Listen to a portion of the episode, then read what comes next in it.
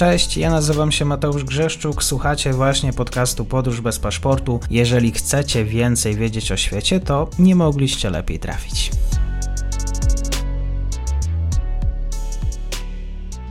Dzień dobry Państwu, dzień dobry wszystkim słuchaczom. Dzisiaj e, audycję odwiedza Pan e, Patryk Kugier z Polskiego Instytutu Spraw Międzynarodowych. Będziemy rozmawiać o sytuacji w Pakistanie. Dzień dobry, kłaniam się. Dzień dobry. Koniec telenoweli politycznej, zwanej pakistańska polityka lokalna, wewnętrzna. Tam jest osoba, która już w jakiś sposób przynajmniej trzyma ryzy kraju. No, nie wydaje mi się, żeby to był koniec. Jeszcze dość długa droga jest dość daleka. Raczej wkraczamy w kolejny ciekawy etap, gdzie może aktorzy się zmienili, ale ciągle sytuacja jest niepewna, niestabilna, kryzys polityczny nie jest zażegnany.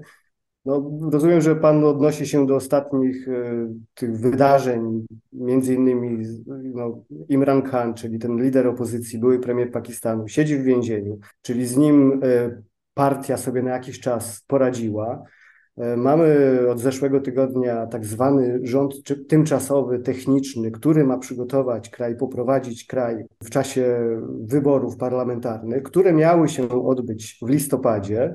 One się w listopadzie prawdopodobnie nie odbędą, ponieważ e, ustalono, że trzeba będzie prze, zmienić granice okręgów wyborczych w oparciu o najnowszy census, czyli spis powszechny. Więc to na pewno spowoduje kolejne opóźnienia w e, realizacji, przeprowadzeniu wyborów parlamentarnych. No i to daje w zasadzie, mamy taką sytuację, że mamy parlament rozwiązany, mamy ten techniczny rząd, na którego czele stanął mało znany polityk, e, senator z Beludżystanu, z, naj, z najmniej ludnej, najmniej znaczącej prowincji Pakistanu, Anwar ul Haq Kakar, który jest niby niezależny, ale no, głosy chodzą, że to jest człowiek, że to jest człowiek bliski armii, więc y, armia wydaje się być tutaj no, w, mieć silną kontrolę nad, tym, nad tą całą sytuacją wewnętrzną.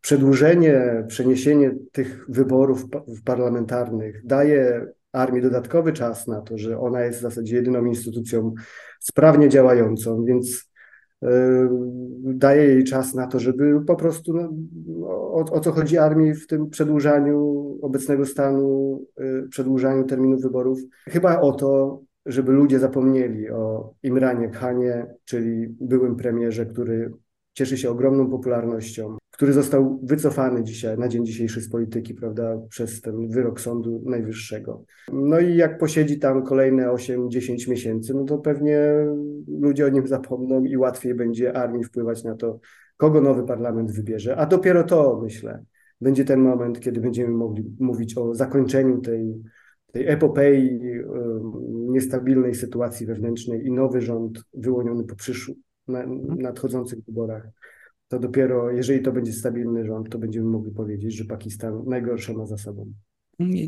Widziałem obrazki z Pakistanu, filmy, nagrania, tam wielkie tłumy za Kanem podążały. Zastanawiam się, na ile tutaj y, sytuacja ucichnie, czy da się zamknąć usta wszystkim tym, którzy byłego premiera mm, popierają, na ile nawet pozostawienie go w areszcie na kilka miesięcy sprawi, że y, wszyscy zapomną, y, może krew będzie buzować jeszcze mocniej w tym czasie. No nie wydaje mi się tak, bo pamiętamy, co wydarzyło się w Pakistanie w maju, kiedy armia próbowała y, aresztować Khana i go na chwilę zatrzymano w budynku sądu, gdzie pojawił się na przesłuchaniu. Wtedy do, doszło do bardzo gwałtownych protestów ulicznych, ataków na posterunki policji, wojska, na budynki administracji rządowej. Po tym wydarzeniu, no i w końcu Han został, Han został wtedy zwolniony z, z aresztu.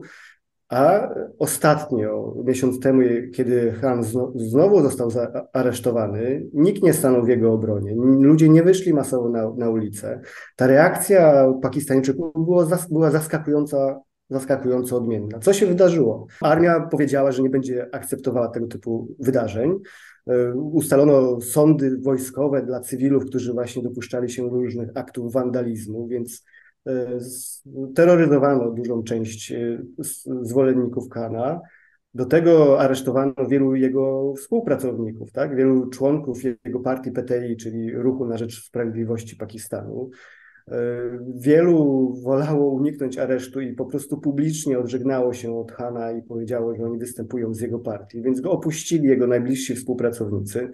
Ci, którzy jeszcze zostali, to mm, część z nich trafiła do aresztu. Ostatni ostatnia znana taka osoba to Mahmud Kureshi, który był ministrem spraw zagranicznych. On w zeszłym tygodniu też został aresztowany i no, możemy domniemywać, że za tymi wszystkimi aresztowaniami i trochę mało wiarygodnymi zarzutami no, stoi armia, która wykorzystuje pewne pozostałości czy atrapę systemu demokratycznego, żeby to wyglądało na no, działanie zgodnie z, pra- zgodne z prawem, no ale chodzi o to, żeby po kolei taką metodą salami osłabić Kana, tak? odciąć go od jego współpracowników, zastraszyć zwolenników, e, schować go prawda, w, w więzieniu o zaostrzonym rygorze, żeby e, świat o nim zapomniał i Pakistańczycy o nim zapomnieli. A, a, pamiętajmy, ta presja ze strony armii dotyczy też mediów. Media mają zakaz w Pakistanie e, relacjonowania jego wypowiedzi, jakichś wywiadów z Hanem czy cokolwiek takiego.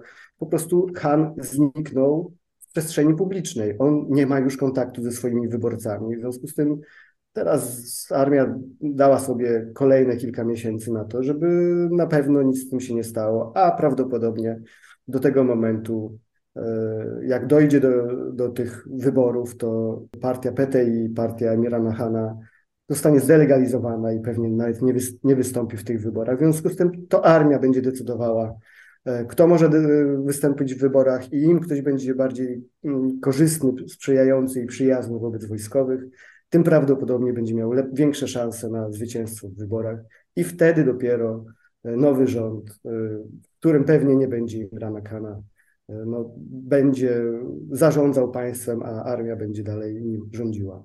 Przygoda z Międzynarodowym Funduszem Walutowym jeszcze trwa? Trwa cały czas, ponieważ sytuacja gospodarcza Pakistanu jest bardzo trudna, prawda? Więc e, pakistański rząd poprzedni i teraz ten tymczasowy musi realizować różne warunki i zobowiązania, które IMF czy, czy Międzynarodowy Fundusz Walutowy na niego narzucił. E, to dotyczy cięcia prawda, subsydiów, podnoszenia podatków, e, zwiększenia mm, ceny benzyny itd., tak itd. Tak w związku z tym, dzięki tego typu reformom, no, Pakistan ma szansę na kolejne transze. Ostatnia transza też w zeszłym tygodniu była wypłacona Pakistanowi i e, w zasadzie ta sytuacja gospodarcza jest tak tragiczna, że bez pomocy zagranicznej, finansowej, Pakistan musiałby zbankrutować, a to by było największe bankructwo, prawda? Bo o ile Sri Lanka to, czy, czy, czy, czy Zimbabwe, jeżeli zbankrutuje, to nie ma dużego wpływu na na, na świat, no to bankructwo Pakistanu byłoby poważnym szokiem e, dla regionu, dla instytucji finansowych, dla, dla gospodarki międzynarodowej. Więc tutaj instytucje międzynarodowe mają ogromną rolę do zapewnienia stabilności gospodarczej Pakistanu i mają przez to też wpływ na to, jaka będzie polityka wewnętrzna i dlaczego na przykład ta armia pakistańska czy politycy pakistańscy muszą utrzymywać te pozory demokracji, no bo to jest też jeden z warunków otrzymania pomocy z Zachodu, tak? Tam nie może być jawnego zamachu stanu, no bo w te, takiej sytuacji pomoc zagraniczna by nie płynęła do Pakistanu, a bez tego ten, to, to, to państwo by pewnie y, musiało ogłosić bankructwo. Tak jest. Bardzo dziękuję za dzisiejszy komentarz. Pan Patryk Kugiel, pism. Kłaniam się do usłyszenia. Dziękuję bardzo. I to już koniec na dzisiaj. Zapraszam na profil podcastu Podróż bez paszportu na Facebooku, Instagramie i Twitterze. Zachęcam też do wsparcia mojej pracy na serwisie Patronite oraz Buy Coffee. Do usłyszenia.